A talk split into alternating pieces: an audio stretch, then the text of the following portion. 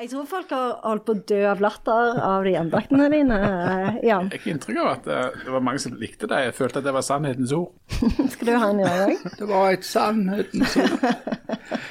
Vi må nok ha noen andakter.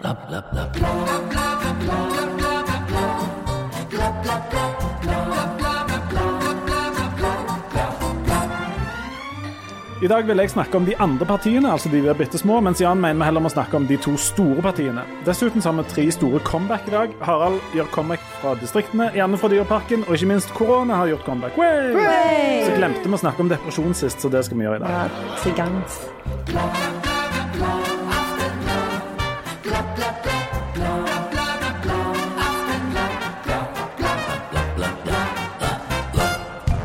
alltid snakke litt om depresjon. Vi må det. Hjertelig velkommen til Aftenbladet. Um, ja, eh, la oss begynne med Jan Zahl denne gangen. Um, That's a first. ja, det, det, Det er det vel ikke, du sitter jo der og emjer Jan. Ja, jeg er enig med Jeg, jeg Harald. maser og emjer og krever ord, men det er aldri noen gang som er sagt la oss starte med Jan Sa. Det, det har jeg aldri hørt før. Det er Aldri hørt det før. Jeg Ja, ja. Det som er med deg, Jan, det er at du opptil flere ganger har sukka på en veldig sånn tydelig utpust og sagt jeg trodde aldri jeg skulle havne inn i det der kristengreiene.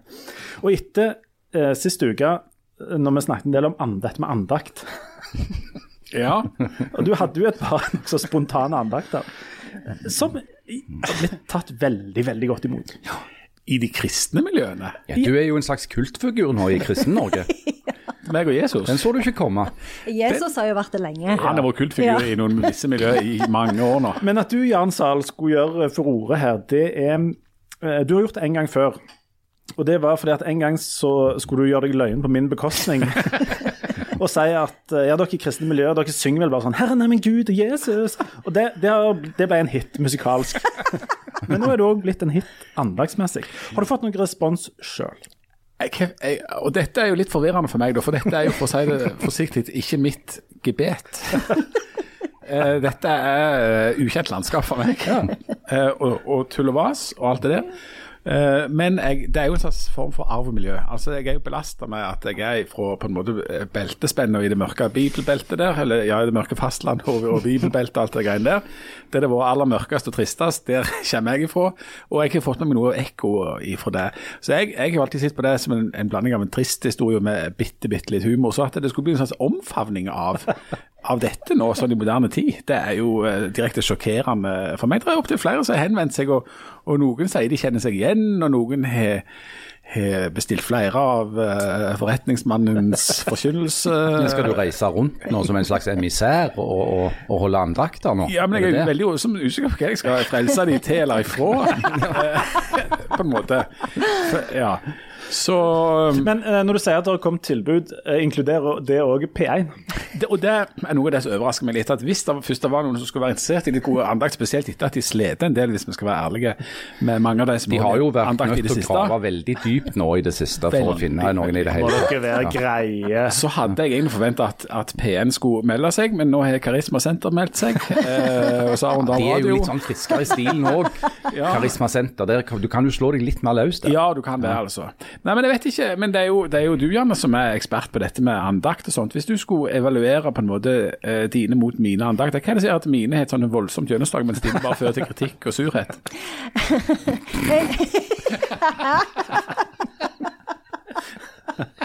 Jeg er ganske deprimert i dag. Ja, det sånn Det skal veldig lite til før jeg får et eh, breakdown. Eh, men eh, jeg tror at det er fremførelsen, først og fremst. Av form, Ja. framfor alt. Ja. Ikke innhold. Mm, og det er jo litt sånn som meg. Ja, det er så. Ja. For du, Janne, du har Altså, du, du sa jo at du hadde fått litt sånn kritiske innspill, men, men har, folk har jo likt andaktene ja. Jeg har fått mange fine tilbakemeldinger, og så er det mange som lurer på hvorfor jeg eh, velger den gamle versjonen av Fader vår framfor den nye.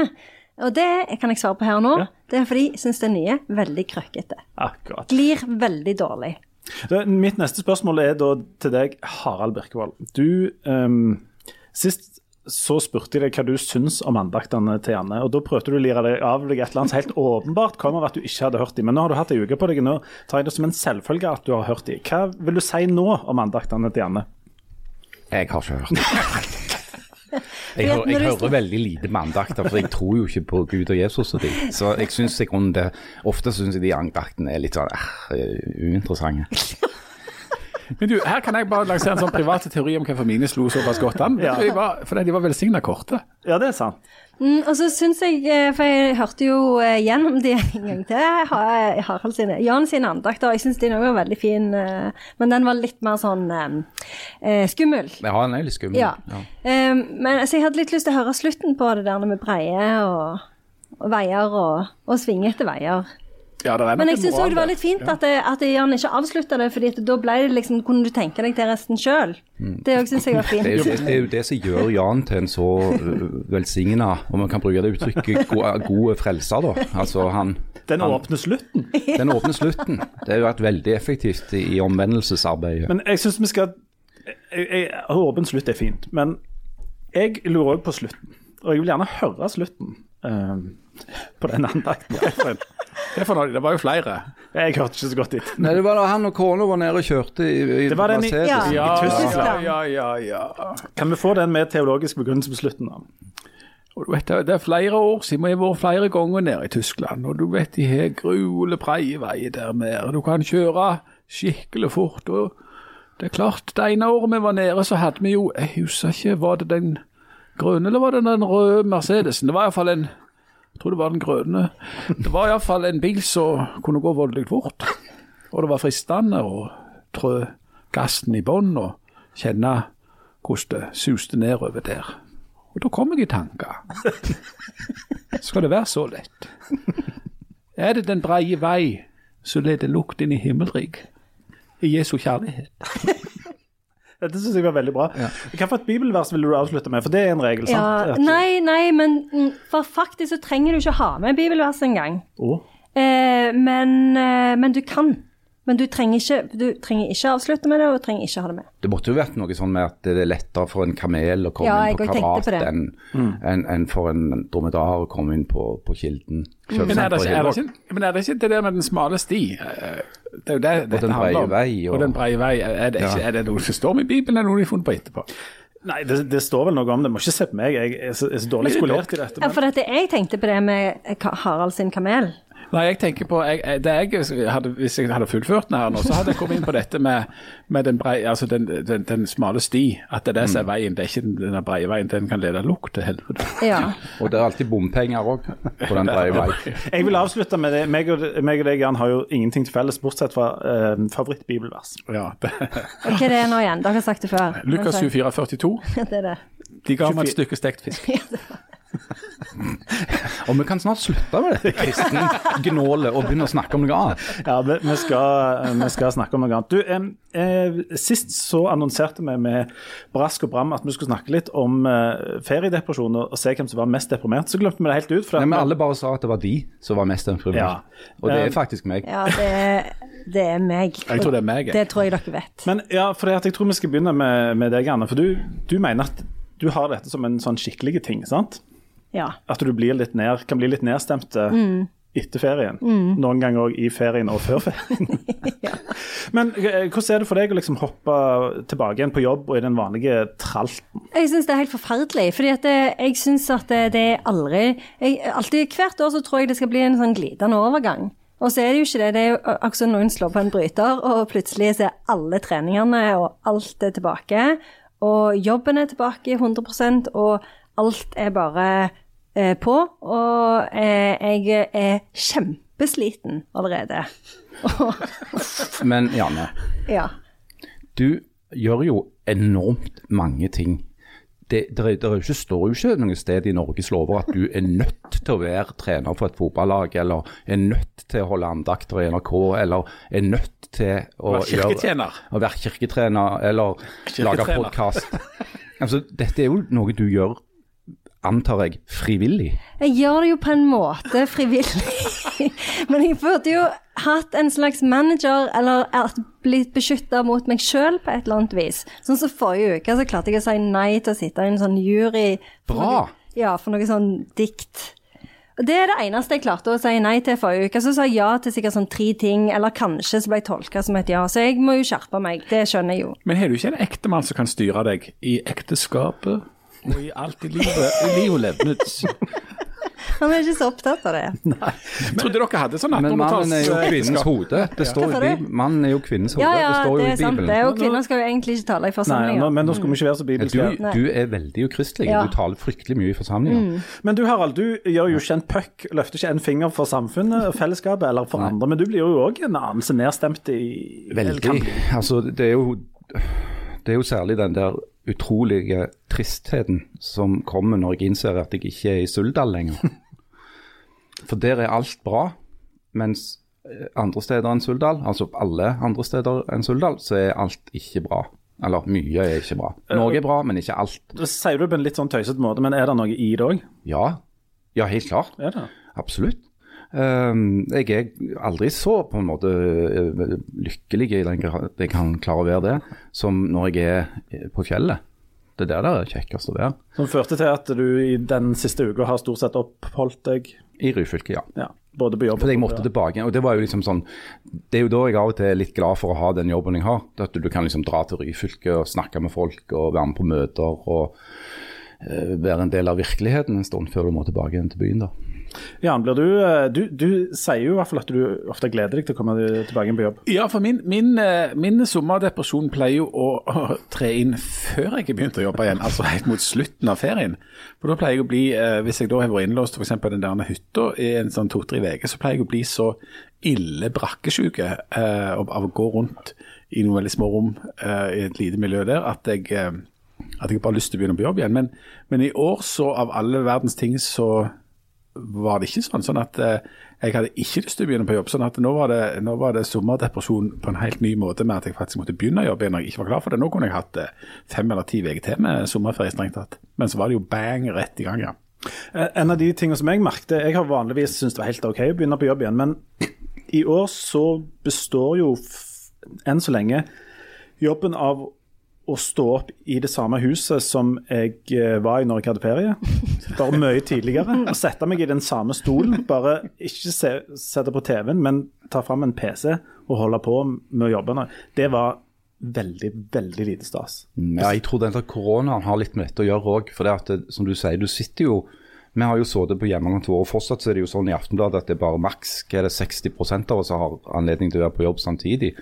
Eh, og jeg har jo vært en av de som har trodd at Eller jeg mener jo fortsatt at jeg eh, fungerer bra på hjemmekontor. Jeg, jeg skriver alltid, Hvis jeg skal skrive, så gjør jeg det best hvis jeg er i fred og ro.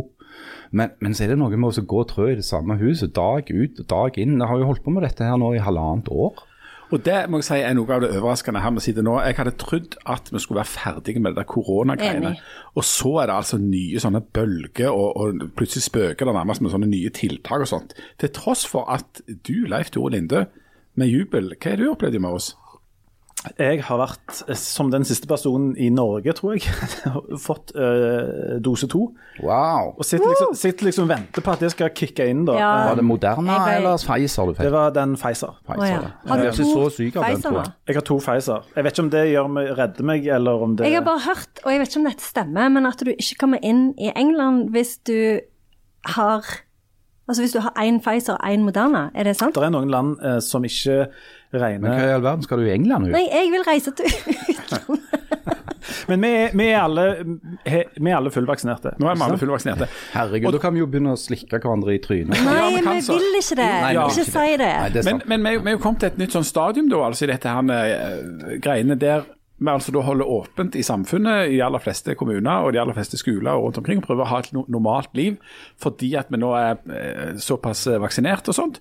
Og så går jo liksom smittetallet rett til værs og er plutselig de høyeste noensinne under hele epidemien. Um, Men er det så farlig, da? Jeg- Nei, nei ja, det er jo nettopp det, det det som på en måte nå er sånn balansegangen. At plutselig så skal vi da måtte leve med at den der smitten kommer nok aldri til å gå vekk. Og så er det hva slags eh, Altså, hvor ligger grensa for hvor risiko, hvor låg eller høy risiko det skal være med å leve i et samfunn.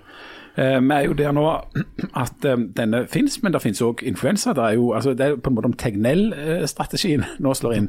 Det, det er jo Jo, fremdeles sånn at det dør flere. forskjellen på dette og Tegnell-strategien i Sverige, det er jo at i, i Sverige så har de jo Hvor mange så er døde? 24 000? Ja, kolossalt. Et eller annet sånt. I Norge hva er det noen få hundre? 800 noe. Ja. Altså, det er jo forskjellen på den norske strategien og den svenske. Ja, men, og, og, og i et vanlig år så dør det mellom 1000 og 2000 i influensa. sant? Ja. Men hvordan skal vi håndtere at det, det framover òg sannsynligvis, selv om det er få som blir alvorlig syke og få som dør, så er det jo noen som vil bli syke og noen som vil dø av, av, av dette òg, da. Og Der tror jeg det ligger en sånn politisk utfordring, både politisk og helsefaglig, i å kommunisere at ja, men nå skal vi altså ikke ha tiltak, selv om vi vet at noen kommer til å bli alvorlig syke og noen kommer til å dø. Og så er vi, inne i den Mm. koronafasen nå der eh, denne eh, pandemien både er veldig farlig og ikke farlig i det hele tatt samtidig. Og det syns jeg er, en gans, det er ganske forvirrende. Mm, Det er en slags Schrødingers pandemi. Han er både farlig og ikke farlig på samme tid. Og kanskje enda mer en, altså, det, Men det, det er ganske forvirrende. Ja, og du, du, Janne, du, du lever jo blant de der som nå er på måte midt i risikogruppa, altså sånne unge voksne som fester og skal gå og studere i lag og sånt. Er det helt vanlig på universitetet nå, eller hvordan er det nå? Eh, ja, eh, i forrige uke så var det vanlig, men det er jo tydelig at det endrer seg ganske fort. fordi eh, i, i forrige uke tror jeg det var sånn at eh, studentene kunne ha eh, Meteren var vekke, de imellom, men mellom oss og de så gjaldt meteren. Men nå tror jeg at eh, denne uka så kommer det påbud om å ha på seg munnbind. Nå tror jeg meteren er tilbake igjen. Og hvis du ikke kan overholde meteren, så må du ha på munnbind. Så det er jo veldig uoversiktlig, veldig vanskelig å forholde seg til, hva som er reglene til enhver tid. Og um, ja, eh, jeg, vi var jo på fotballcup i, i helga, og der var det jo eh, ekstremt lite meter som ble holdt av noen som helst. Så Vanskelig det er når du spiller fotball. det er veldig vanskelig, og, og, og særlig når det er i Dyreparken eh, Var det i Kristiansand. i Dyreparken? Inne Nei, i det Afrika slags der. Vi bodde i Afrika. Eh, Vi bodde på savannen i et telt. Eh, og så var det jo Så dere eh, sov omgitt, omgitt av, av sebraer og sjiraffer? Ja, det stemmer. Vil du si at du gjennomførte det som er din drømmehelg? Ja. Hvis jeg, hvis jeg hadde drømt om å havne i helsike til Leif Tore For Dyreparken, dyreparken kan være Altså, jeg liker, har likt Dyreparken ganske godt, men det er eh, altså, Blant sånne fornøyelsesparker så er det helsike. ja, det, Det er ganske ok. Hvis du var i Dyreparken, altså det der helsike som vi snakket om sist Ja. uke, sant, som er sånn nesten helvete, liksom. Bare, bare litt sånn alltid litt kjipt. Så er du i Dyreparken, og ingen av de dyrene du har lyst til å se, gidder, gidder å komme ut. De er bare hjemme seg. Og så er det bare åpent på den der buffeen Ja. nede i Abrahavn. Sånn. Alle apekattene inne, men flodsvinet er der. Ja, du kan, det, det kan du gå og se på. Sånn. Men ulven, nei. Han er, han er ikke framme. Nordisk villmark, der ser du ingenting. Jeg har vært der to ganger, jeg har aldri sett et dyr. Det er akkurat som faktisk å være i villmarken. Som du står og Ja. stirrer på en sånn busk. Ja, så du liksom, ser er intenst på en busk ganske lenge. Det skjer ingenting. Men, men det, det er jo hund- sånn sett er jo nordisk villmark 100% realistisk. Helt realistisk, for det at du ser ikke kvil- Det er masse skog. Masse skog. masse skog. Ja. Og fugler som synger fint, Ja. Men det er ikke noen villdyr. Det er Så de har gjemt seg. Det er helsike, faktisk, Ja. å være på sånn. Og så på et eller annet tidspunkt så trodde jeg jeg så en trane, Ja, men det var en måke. det var en Det- Da er du litt sånn ornitologifaglig svak, vil jeg si. Hvis du sa feil av en trane og en måke. Da må du kjøpe deg en sånn fuglebok. Men gikk dere mye rundt i, i Dyreparken? Å, vi gjorde. For det kan jo være litt sånn um, helsikeaktig. Ja. Um, for det kan være OK og trivelig å, å vase rundt der, men du går og går og går og går, og så tar du feil til Bobban, og så plutselig er du i Kardemommeby, og så er det Ja, og så begynte jo kanskje dagen halv sju, og så vet det. du at du skal på kamp, kamper på et eller annet tidspunkt, og at det blir pizza i Abrahavn og Men Alle snakker jo om at de sånn savner det når ungene var små og sånn. Jeg gjør ikke det i det hele tatt. Det er mye kjekkere å ha store unger, Ja, ja. for da slipper du det der. Eh, Altså, bare, det er en ting som jeg faktisk kan liksom bli litt glad av. Det er at når jeg går på vikingkamp, så kan jeg tenke meg selv Jeg har stått i den bua for siste gang. Jeg skal aldri mer gjøre det. Jeg skal aldri mer sitte på et foreldremøte og være redd for å bli valgt inn i FAU. Jeg skal aldri mer eh, jobbe dugnad på 17. mai og selge kalde grillpølser som er kokt. Jeg skal aldri gjøre noen ting av de tingene igjen. Aldri, aldri mer. Men det gjør meg faktisk glad bare å tenke på det. Men samtidig så er vi jo så der under koronaen og, og emja og, og klart på å savne en slags form for normalitet. Og gjerne det er jo dette som er normalitet. Altså at det er studenter der som skal være tett på hverandre, fotlig, altså smitte. Og folk skal reise på fotballturneringer igjen, og du skal ringe de der klokkene og alt det der greiene der. Og så når det begynner, så hater du det. Jeg tror det var bare Forrige sånn? uke var litt for travel eh, for meg, og så ble det liksom denne fotballcupen i helga, og så bare ble det litt mye. Mm. Men jeg er jo enig, men det som jeg syns helt ærlig, var at det å treffe studentene igjen i forelesningssalen, det var superkjekt. Ja. Det var så gøy. Og jeg ble så glad i de, og de er så fine, og de liker litteratur, tror jeg. Så jeg, de elsker jeg. De har jo meldt seg opp på å studere litteratur. Ja, men det er ikke alltid de har vært så interessert. Det, det er tidlig på ismester ennå. Ja, ja. Men jeg, jeg også har faktisk kjent litt på den. Så det er liksom delt. Jeg ja. har faktisk kjent litt på den, for det for noen ja, det bør vel være en måned siden nå, så var jeg på, plutselig på et debattmøte igjen. Eh, liksom Deltok, sto og mente noe i et panel. Og det, da tenkte jeg, fader, det, selv om det ikke liksom er kjekkest jeg gjør, så var det kjekkere enn vanlig da, fordi at det var liksom normalt Mm. igjen. Det var folk, publikum, som kom og hørte på og greier. Det var, Men er det rart, vi er jo innspurt av en valgkamp, er det rart at korona ikke er tema i valgkampen? Med tanke på at vi har vært under den største helsekrisen og den største på en måte krisen siden andre verdenskrig. Kanskje er det litt rart, men samtidig er det ganske bra òg. For det at eh, det er ingenting som tyder på at de politiske partiene i løpet av det siste halvannet år har blitt eksperter på pandemier. Så at det er et relativt lite politisert tema, syns jeg er helt til å leve med. Men hadde det vært annerledes hvis Norge hadde kommet veldig dårlig ut av denne pandemien? Altså, Vi, vi, vi lever jo i, i, i et land der veldig få altså det er jo, Dødstallene er jo på en måte høye, men på en, i realiteten veldig lave. Vi har jo ikke blitt eh, konkurs. Eh, altså, det, det har jo gått veldig godt. Hvis det hadde gått eh, dårlig, hadde det da um, vært annerledes, tror du? har? Altså, jeg hadde jo, altså Regjeringen har nok tatt luva, luven av en del debatt ved å være ganske rundhånda med de økonomiske kompensasjonsordningene. Men nå begynner det jo å stramme seg litt til det òg. sånn Erna Solberg har for vært ute og sagt, at, og andre fra Høyre, at uh, på et eller annet tidspunkt så må vi jo så må det normalisere dette òg. Vi kan ikke fortsette å sprøyte inn penger i økonomien i, på ubestemt tid.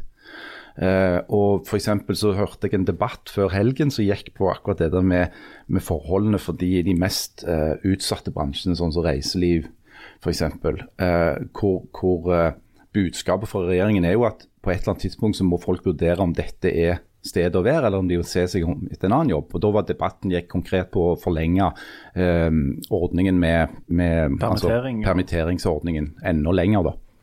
Men en kunne jo tenkt seg at, at det ikke blir sånn konflikt om det, da, men en, en kunne jo tenkt seg at eh, regjeringspartiene hadde prøvd i større grad å kapitalisere på at det har gått såpass bra, så at de hadde prøvd å hente stemmer på at de har styrt oss gjennom det på en måte som gjør at Norge kommer så godt ut. Men er det ikke akkurat det Høyre på en måte gjør uten å si det høyt nå? Altså steady, steady on. Ikke det hele Jo, men så hadde de jo et lite De hadde jo For noen, noen uker siden så prøvde jo Bent Høie å si at eh, de trodde de kunne åpne i slutten av september. sant?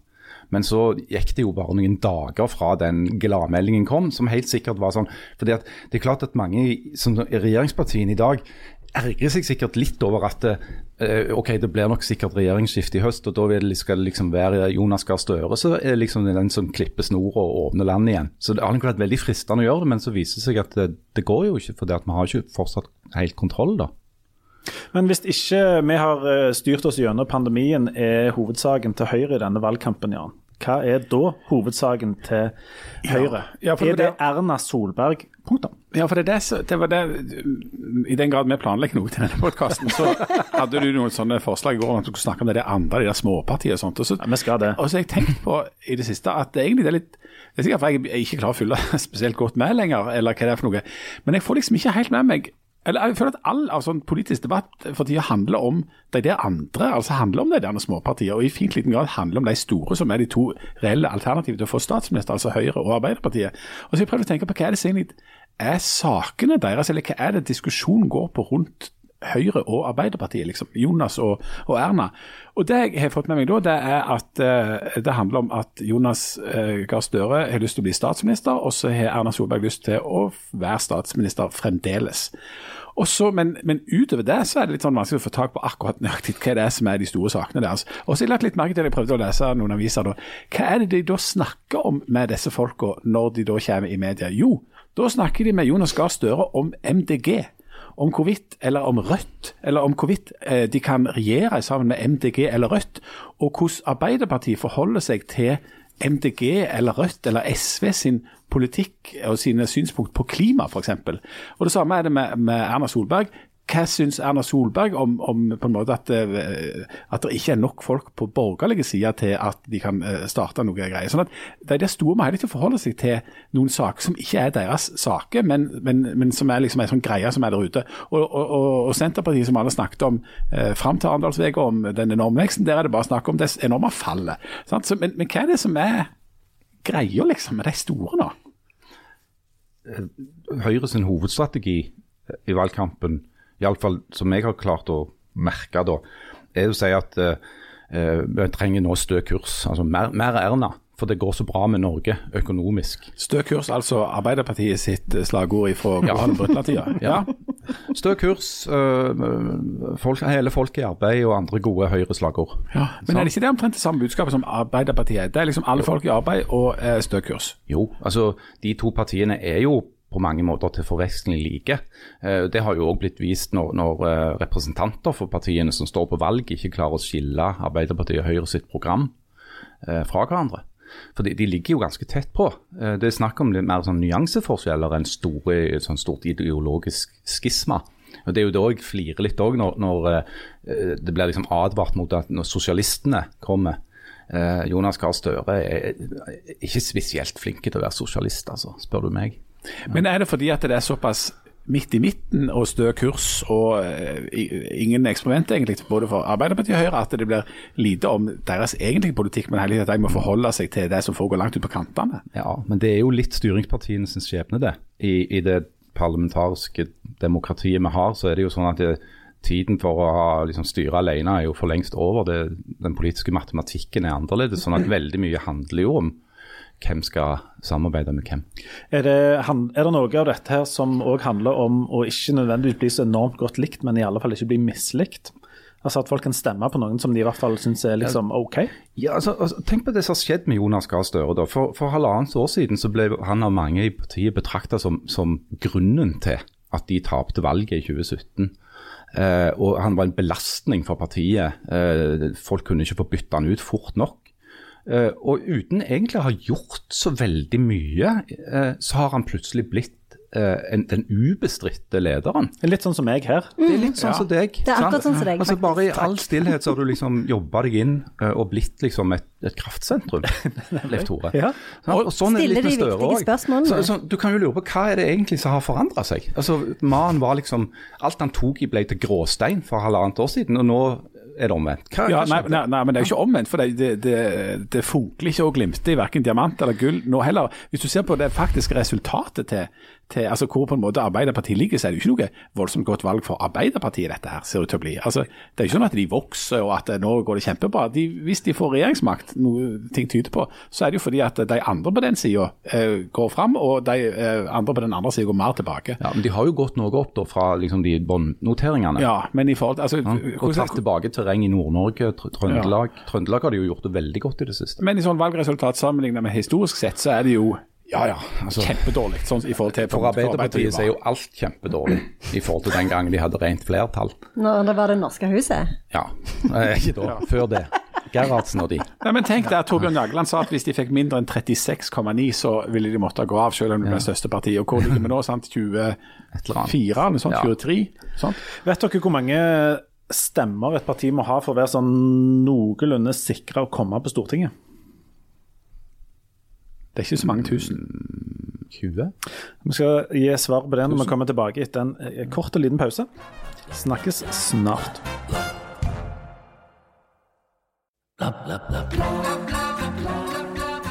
Hjertelig velkommen tilbake. Hvor mange stemmer må en ha for å komme på Stortinget? Nå er jeg inne på internett og ser på altså det partiet som kom inn på Så fikk det siste mandatet, tenker ja, du da. Rødt. Kan det stemme? Foxy Moxy. Ja. Her står det at de hadde, fikk 70 000 stemmer sist. Ja. ja.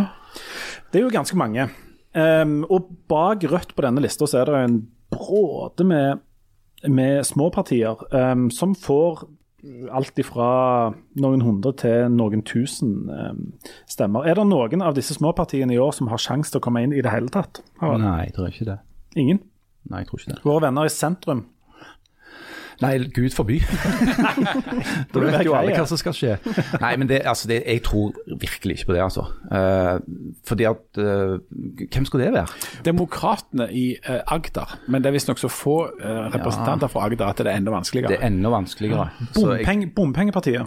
ikke en sjanse. Hadde de hatt sjanse for to år siden, hvis det var stortingsvalg da? Ja, det tror jeg. For at da var det jo en voldsom bølge av engasjement rundt bompenger. Men det, det døde jo brutalt hen. Men alle disse småpartiene, Jan, hva skal vi med de? Ja, Det er et godt spørsmål. Takk. Um, i, I England er det jo en, altså der, er de- der er de iallfall løgne. Det er sånne enmannsparti som stiller opp med sånne løgne hatter og, og, og er veldig klar over at dette er bare underholdning og tull. Uh, men, nei, men altså, det er jo en slags ventil i demokratiet, da, på et vis. Altså at Hvis du mener noe voldsomt sterkt om et eller annet, så kan du eh, sette i gang og samle inn noen underskrifter, så kan du drive og stå for, for dette her og holde på. Og så er det, uh, og, og det er bra. Det er en fin ting, for det, det sikrer på en måte mangfoldet, og at det ikke er noe sånn forbud mot å, å organisere seg eller engasjere seg. Men så ligger det heldigvis inne noen beskrankninger i systemet som gjør at eh, du ikke får inn all slags løgnasgreier, eh, og at det er noen ganske høye terskler du må over for at du skal bli representert i, i, i, folkeforsamlinger og blant de som faktisk bestemmer noe. Så det, det, det tjener en dobbel effekt. Nå kan det jo sikkert innvendes at at det er en litt sånn forfengt eller litt sånn spill av energi, da. fordi at eh, alle disse stemmene er jo på et vis bortkasta i et stortingsvalg. Hvis ingen hvis, hvis, hvis det fører til at ingen av deres kommer inn, og tvert imot kan, kanskje eh, medvirker til at eh, den sida som du hadde støtta, taper på det. Så, eh, så jeg vet ikke. Samtidig så er jo en del av småpartiene, selv om de eh, i, i praksis ikke har egentlig sjanse til å komme inn på Stortinget, så kan de jo få innflytelse i lokalpolitikken. Det har du jo sett f.eks. i Agder, ikke sant? hvor Demokratene plutselig gjorde et kjempevalg på, på ryggen av en sånn der eh, folkelig protestbevegelse mot eh, kulturbudsjetter og bompenger i det hele tatt. Eh, og på Hedmarken så, så satt det jo folk fra Norges kommunistiske parti i, i eh, kommunestyrene på Grue og Aurskog oppi der, eh, fram til liksom for ikke så mange år siden. Uh, utrolig nok. Sant? NKP fikk så få stemmer i sist stortingsvalg at de kom ikke inn med noe offisielt resultat engang. Det offisielle resultatet er 0,0% Og så, og så er det et- valgsystem som gjør at det er en ganske bra flora av, av partier. da. I England, som du er ekspert innenfor lyrikken på, da, er det jo et valgsystem som gjør at de absolutt ikke løfter fram nye partier. Der er det jo, det er jo en diskusjon om det er litt sånn for dumt på et vis at det i praksis bare kommer inn to partier, eh, de konservative og, og Arbeiderpartiet, og så noen ganske få liberale. Men, men, eh, men liberalene og alle andre nyskapninger innenfor parti har jo omtrent ikke sjans, fordi at det er sånn eh, flertallsvalg i enmannskretser som gjør at hvis du ikke får eh, flertall i disse kretsene, så er du ute. Det driter i hvor mange stemmer du fikk. Men du har, du har allerede stemt, Janne. Var du frista? Jeg har ikke stemt. Har du ikke stemt? Nei, nei, Du har nei. bestemt deg. Ja, jeg har Eller du hadde bestemt bestemt deg meg. forrige uke, men har jeg du har ombestemt bestemt deg nå? Nei, jeg går for uh, mitt gode gamle okay. uh, parti. Ja, men har du, har du blitt Det blir, eh, det blir, eh, Det blir blodrødt i år òg. det blir Kystpartiet. Sånn Ja, som det har gjør det, det Men gjør har du, eh, har du noen gang latt deg friste av noen sånne mini- eller mikropartier? ja, ja, ja. Eller ikke mikropartier, Nei, nei, det har jeg aldri blitt frista av. For jeg blir veldig bekymra av um, eh, å bare tro på én sak, det stresser meg veldig. Ja. men det som jeg ble veldig overraska av i dag, morges, det var jo at de har gjort litt sånn undersøkelser på folk flest. Og de har jo funnet at folk flest bare utgjør 2,3% av befolkningen. Hæ? Så få! Så Det- det det- ble jeg veldig forvirra av. Ja, men Men, men det er litt rart, for det at Fremskrittspartiet er jo partiet for folk flest, Ja. og de har jo vitterlig over 10% Ja, hvem er det de trekker, da? Som ikke er folk flest? nei, det, nei, det er jo kjempebra. Ja, altså, så er legg det mange sammen, så... ja, hvis du legger sammen det med nær folk til eh, Senterpartiet og Vanlige folk sin tur? vanlige folk sin tur, Ja. eh, og uh, Venstre altså, Kristelig. Folkeparti, Ja, de representerer jo alle kristne. ja, ja, ja, ja. Sosialistisk Folkeparti. ja. Nei, de er jo- Venstre- Jeg tror det blir nå, da. Uansett, men du, vent. eh, eh, eh, Fins det bare 2,7 folk flest? 2,3! 2,3? Enda mindre. Men hva var det som var definisjonen av folk flest? Nei, det var, jeg tror problemet var at folk flest bare er folk flest Eller at folk bare er folk flest en liten periode av livet. Fordi en endrer kanskje eh, litt sånn hvor mye lønn en får, og så hvor mange biler en har. Dette er og- liksom et slags medianmenneske. Ja, det er jo et slags medianmenneske, og så, og, så, og så er det forskjellig eh, Plutselig en har ett barn, og så plutselig har en tre barn, og da er en ikke folk flest lenger. Så det var veldig vanskelig. Altså folk forandrer seg så mye at det var vanskelig å Her må vi kunne slå et slag. Eh, anbefaling, det er det lenge som vi har holdt på med. Men altså, Frode Grytten har skrevet en legendarisk god Er novelle, eller er det, er det Bikubesonger eller er det en annen plass, om gjennomsnittsmennesker. Altså Statistisk sentralbyrå har kåra hva som er Gjennomsnittsmennesker, og det er da en kar som heter Jan Johansson, som bor i Odda der, som litt eh, ble litt satt ut av at han plutselig ble erklært som det mest gjennomsnittlige i hele landet. En veldig, veldig fin tekst. Lett middelmådighet. Men, du, men, men altså, blant, blant oss fire, da, hvis vi skal finne middelmådige Jeg er redd jeg vinner denne konkurransen, altså. Men um, jeg, jeg tror at av oss fire så jeg um, representerer gjennomsnittet. Hvorfor det? Jeg har to unger. Men de bor ikke hjemme nå. Uh, nei, ja Det er jo. bare én hjemmeboende unge. Strengt tatt så bor begge to hjemme, sånn, i hvert fall sånn eh, teknisk sett. Men jeg har to unger. Jeg, eh, jeg tjener min, litt mindre enn eh, dere, betydelig mindre enn enkelte av dere, som ikke trenger gripe opp i. Um, jeg, har, jeg bor i et, eh, jeg bor i et rekkehus, og så er jeg um, ja, Kanskje den aldersmessig er gjerne lavere enn gjennomsnittet. Men, men på den annen side, du har to biler. Nei, jeg har en og en halv. Jeg har, en en halv. Hvis vi legger sammen alt som virker på de to, så har jeg én. Ja ja, det stemmer. Det er riktig, det. Uh, ja, er det noen av dere som tror dere er mer gjennomsnittlige enn meg? Nei, jeg tror ikke jeg er gjennomsnittlig i det hele tatt. Hva er det som skiller deg ut? Nei, det er jo den enorme intelligensen, ikke minst. Men, men uh, ja, det er jo mye sånn. Fysiske fortrinn, intelligens, uh, sånne ting. Jeg, har, jo, jeg har jo tre barn, men i dag glemte jeg navnet på et av de. Det er ganske gjennomsnittlig. De fleste husker bare navnet på to av ungene sine. Jeg våkner hver morgen og føler meg skikkelig spesiell. Gjør du det?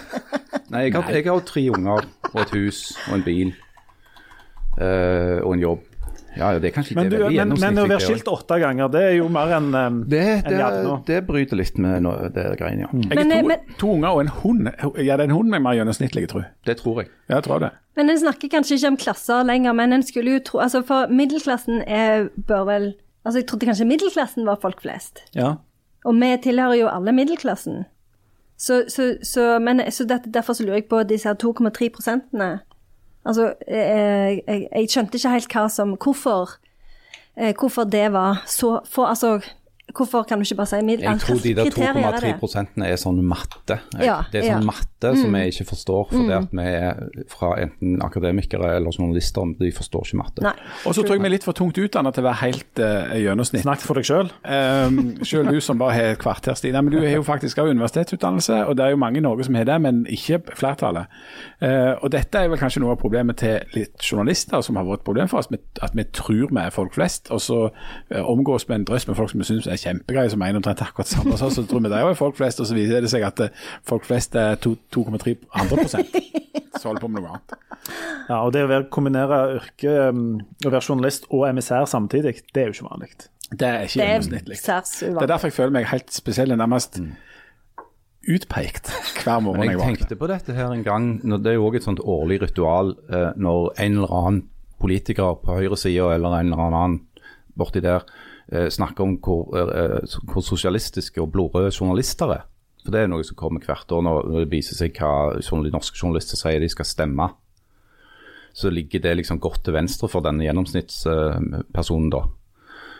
Men så ser jeg meg rundt i, liksom, i redaksjonslokalene i, i Aftenbladet mens jeg og det var noen folk der, da. tenkte jeg, Det er jo bare helt vanlige folk. Det er jo ingen av disse her som sitter og planlegger en eh, blodig revolusjon. Eh, så du får liksom ikke helt å stemme med, med de du kjenner, da, som er jo helt vanlige folk. Det er jo, er gjerne litt under gjennomsnittet på veldig mange områder, vil jeg si. Vår, ja, du, jeg har jo til og med dypt konservative kolleger som Jan, ikke sant. Og, Hæ?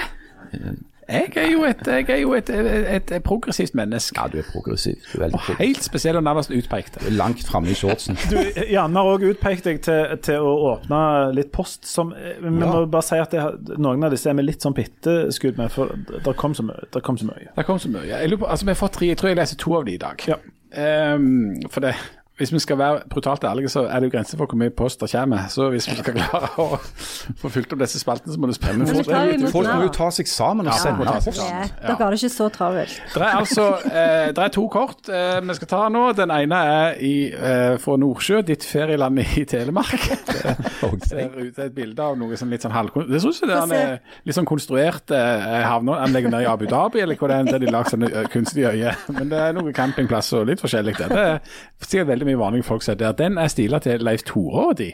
Å ja. hei, Ja vel. I parentes Aftenbladet, det står ingenting om Janne der. Ja, er det en slags skjult kritikk, Det er nok en skjul, Du Ja. kan ta det som en skjult kritikk av deg. Ja vel. Jeg og jeg er ganske langt nede i dag, takk skal du ha. Ja, og det, og det, det kortet passer ekstra godt i dag, Leif Tore akkurat til blitt eh, fullvaksinert. Eller si, du er jo ikke, eh, du er ikke ute av det, skogen helt før om ei uke, Okay. Kjenner du deg dårlig? Jeg er på vei inn i skogen, for å si det sånn. Ja, ja. Til han som verken får vaksine eller oppmerksomhet. Og her kommer det da det som jo er spesielt Janne sin drømmesjanger, limericken. En avholdsmann ved navn Leif Tore, som slåss for å komme til orde. Hans bane ble Jan, tvang vin ned i gan. Det si, en Ja, nød- ja. Det brukbart. brukbart. Nødrim, ja. som førte til grynt under bordet. Med all mulig sympati fra en gjeng som begynte i korps før idretten tok de. Ah, ja. Ai, ai, Jeg tror det var veldig mye drikking i korpsbevegelsen òg, eller ah, ja. bare idretten de Er drikker? nei, jeg tror ikke det er korpsbevegelsen. De har jo altså sånn leker. Sånn, Jeg har inntrykk av at vi står òg, ikke bare sterkt i Kristen-Norge, men òg i korpsbevegelsen. Ja. Ja, korps og Og det er som seg hører, bare for jeg elsker korps. Dette sier jo alt om er hvor noe av hipp det og kule vi fineste er. jeg vet. Ja. Korpsmusikk, det syns jeg er så fint. Kan jeg bare komme med en, en Er du liten tuller du nå? Nei, jeg mener, en gang så var vi i Atlanta på 4th of July. Og de der korpsene Jeg grein gjennom hele paraden. Det- Korps er jo det det beste som finnes. Det er jo ingenting som er verre enn korps. Det er helt magisk. Jeg har jo fortalt veldig mye om, om når jeg spilte i korps selv, i Ryne skolekorps, med den blå capen og den blå cowboyhatten da jeg var minst og tjukkest og blåste i klarinetten. Men eh, en gang i året så reiste vi på korpstur til Annick, Bryne sin vennskapsby i Nord-England. Som jo var det beste argumentet for å hente et være med i det korpset. Med cowboyhattene. med cowboyhatt og En by som heter Unnik. Annick. Ja, det er jo engelsk for Unnik, da. Alnwick. Å ja, sånn ja. Hva skjedde på korpsturen, Jan? Der eh, tok vi båten over da. Det var jo veldig mye spying fordi det var så mye bølger, eh, tenkte jeg. Men eh, det var òg viste seg veldig mye spying fordi at en del av disse korpsmedlemmene jo tok sine første ustøsteg ut i dette med kong alkohol. Og jeg var jo ung og ukule og liten og tjukk og med cape og sånn en eh, hatt. Ja. Eh, men så eh, klarte jeg et år, husker jeg, å å pissa meg inn med de som var kule. Det vil si de som spilte stortrommer og slagverk og tuba og sånt. Så jeg skulle få lov å ligge på kahytt med de. Det var liksom de tøffe guttene. Det, ja, det var løye. Også, Men så var det egentlig ikke seng til meg der, eller kahytt, eller hva det var. Så jeg lå mellom to sånne køyesenger da, for meg sjøl i en krok der. Og Der var det en som het Påsen. Han hadde gått og lagt seg tidlig etter at han hadde blitt blitt noe eh, sjøsjuk der. Eh, og så hadde han spydd i vasken inne på det rommet, da, så at det lå ei spye der og kveltre rundt med bølgene, da. Av og til skvulpa det over til. Av og til skvulpa det ikke over. Og de som var tøffe gutter, ikke meg, de lå jo og hoia og, og, og bante og sang og jubla og var sikkert både fulle og glad og alt hop. Og jeg lå nervøs i, i fødselsfosterposisjon inni, inni den kroken da, og var glad for, for å være med på alt. Og så var det noe banking, noen vegger ifra folk som skulle ha oss til å være rolige. Jeg var jo rolig, men de var ikke rolige. Og så til slutt så bankte det grassat på den døra. Og det var meget tydelig at dette var noen arge som sto utenfor da. Og da ble de helt rolige, de der tøffe karene. Og så sa jeg, ja, du må gå og se hvem det er. Og jeg visste jo ikke eh, men jeg, eh, Jo, nei, så ja, jeg måtte gå og se hvem det var. Så gikk jeg da i underbuksa fram og åpna døra, og der sto der eh, en av de voksne på turen og sa jeg tror det er galne.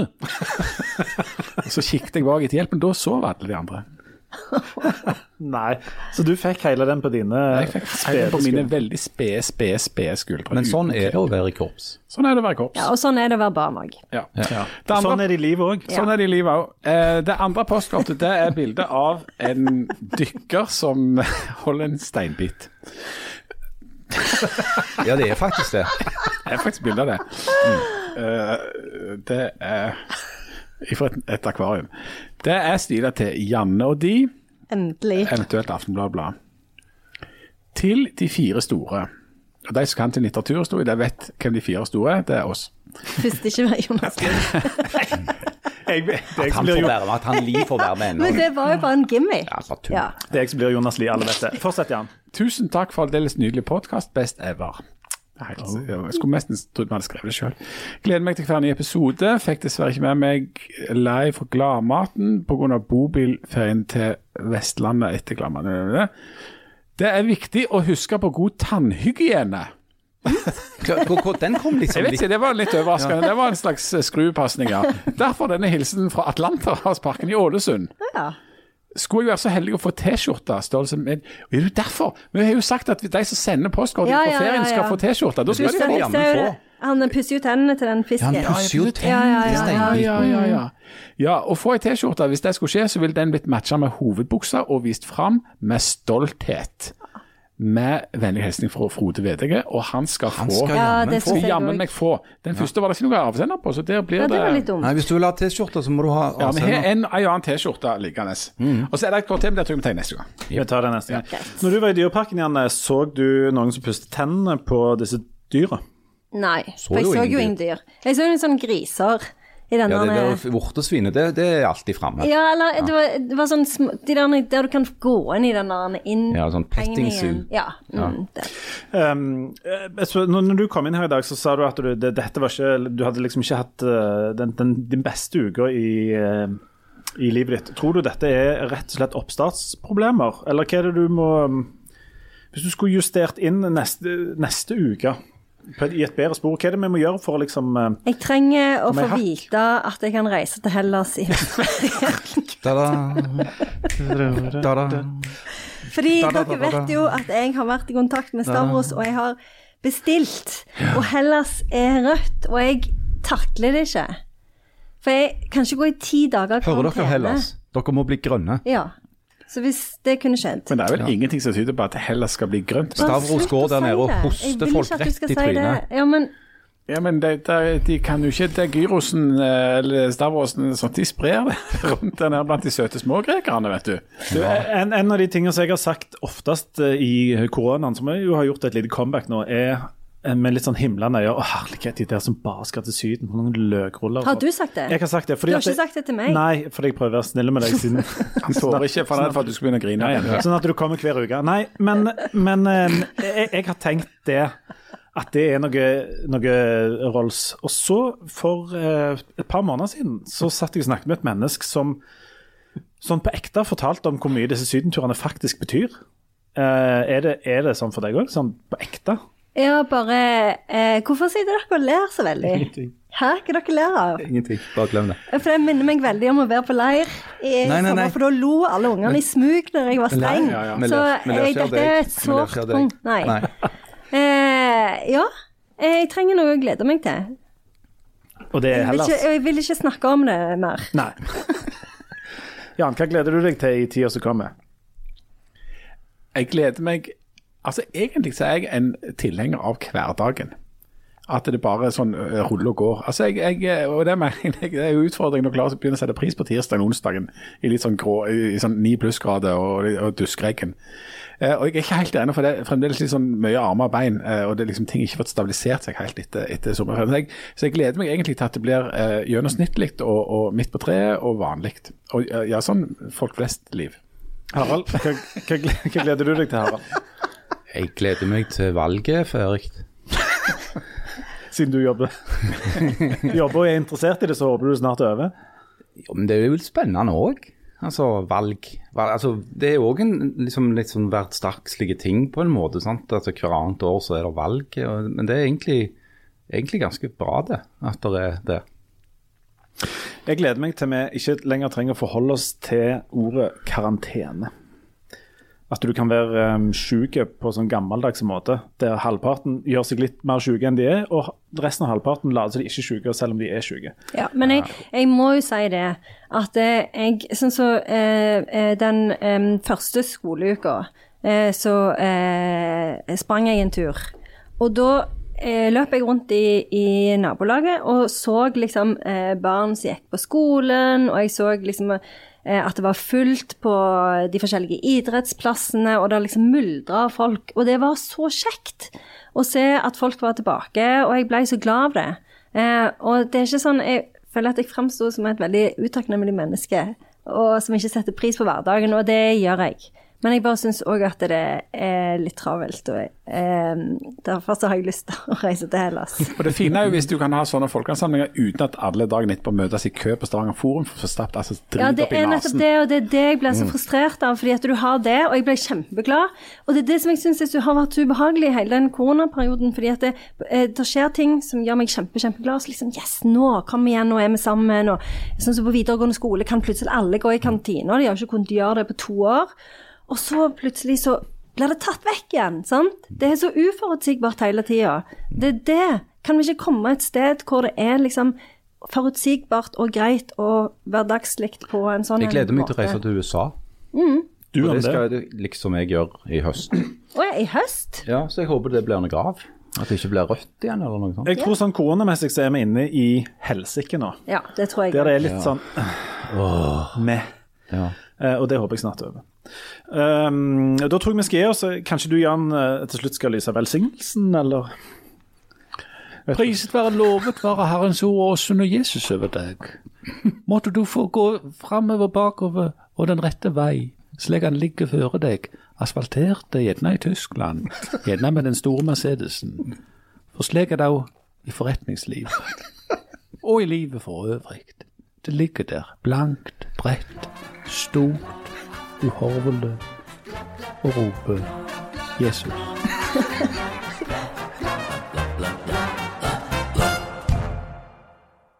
Hva var det som ropte Jesus? Nei, Jeg ble jeg kom litt ut av det. Jeg, bare, jeg bare improviserte mot slutten. Det var en slags form for sånn andagsjazz. Ja. ja. jeg følte dette var en, det var en sånn Meyers-aktig ja. konsert, der du Hvis alle vet hvordan du starter, så etter hvert så, så bare, Hva holder vi på med nå? Kan vi gi oss snart?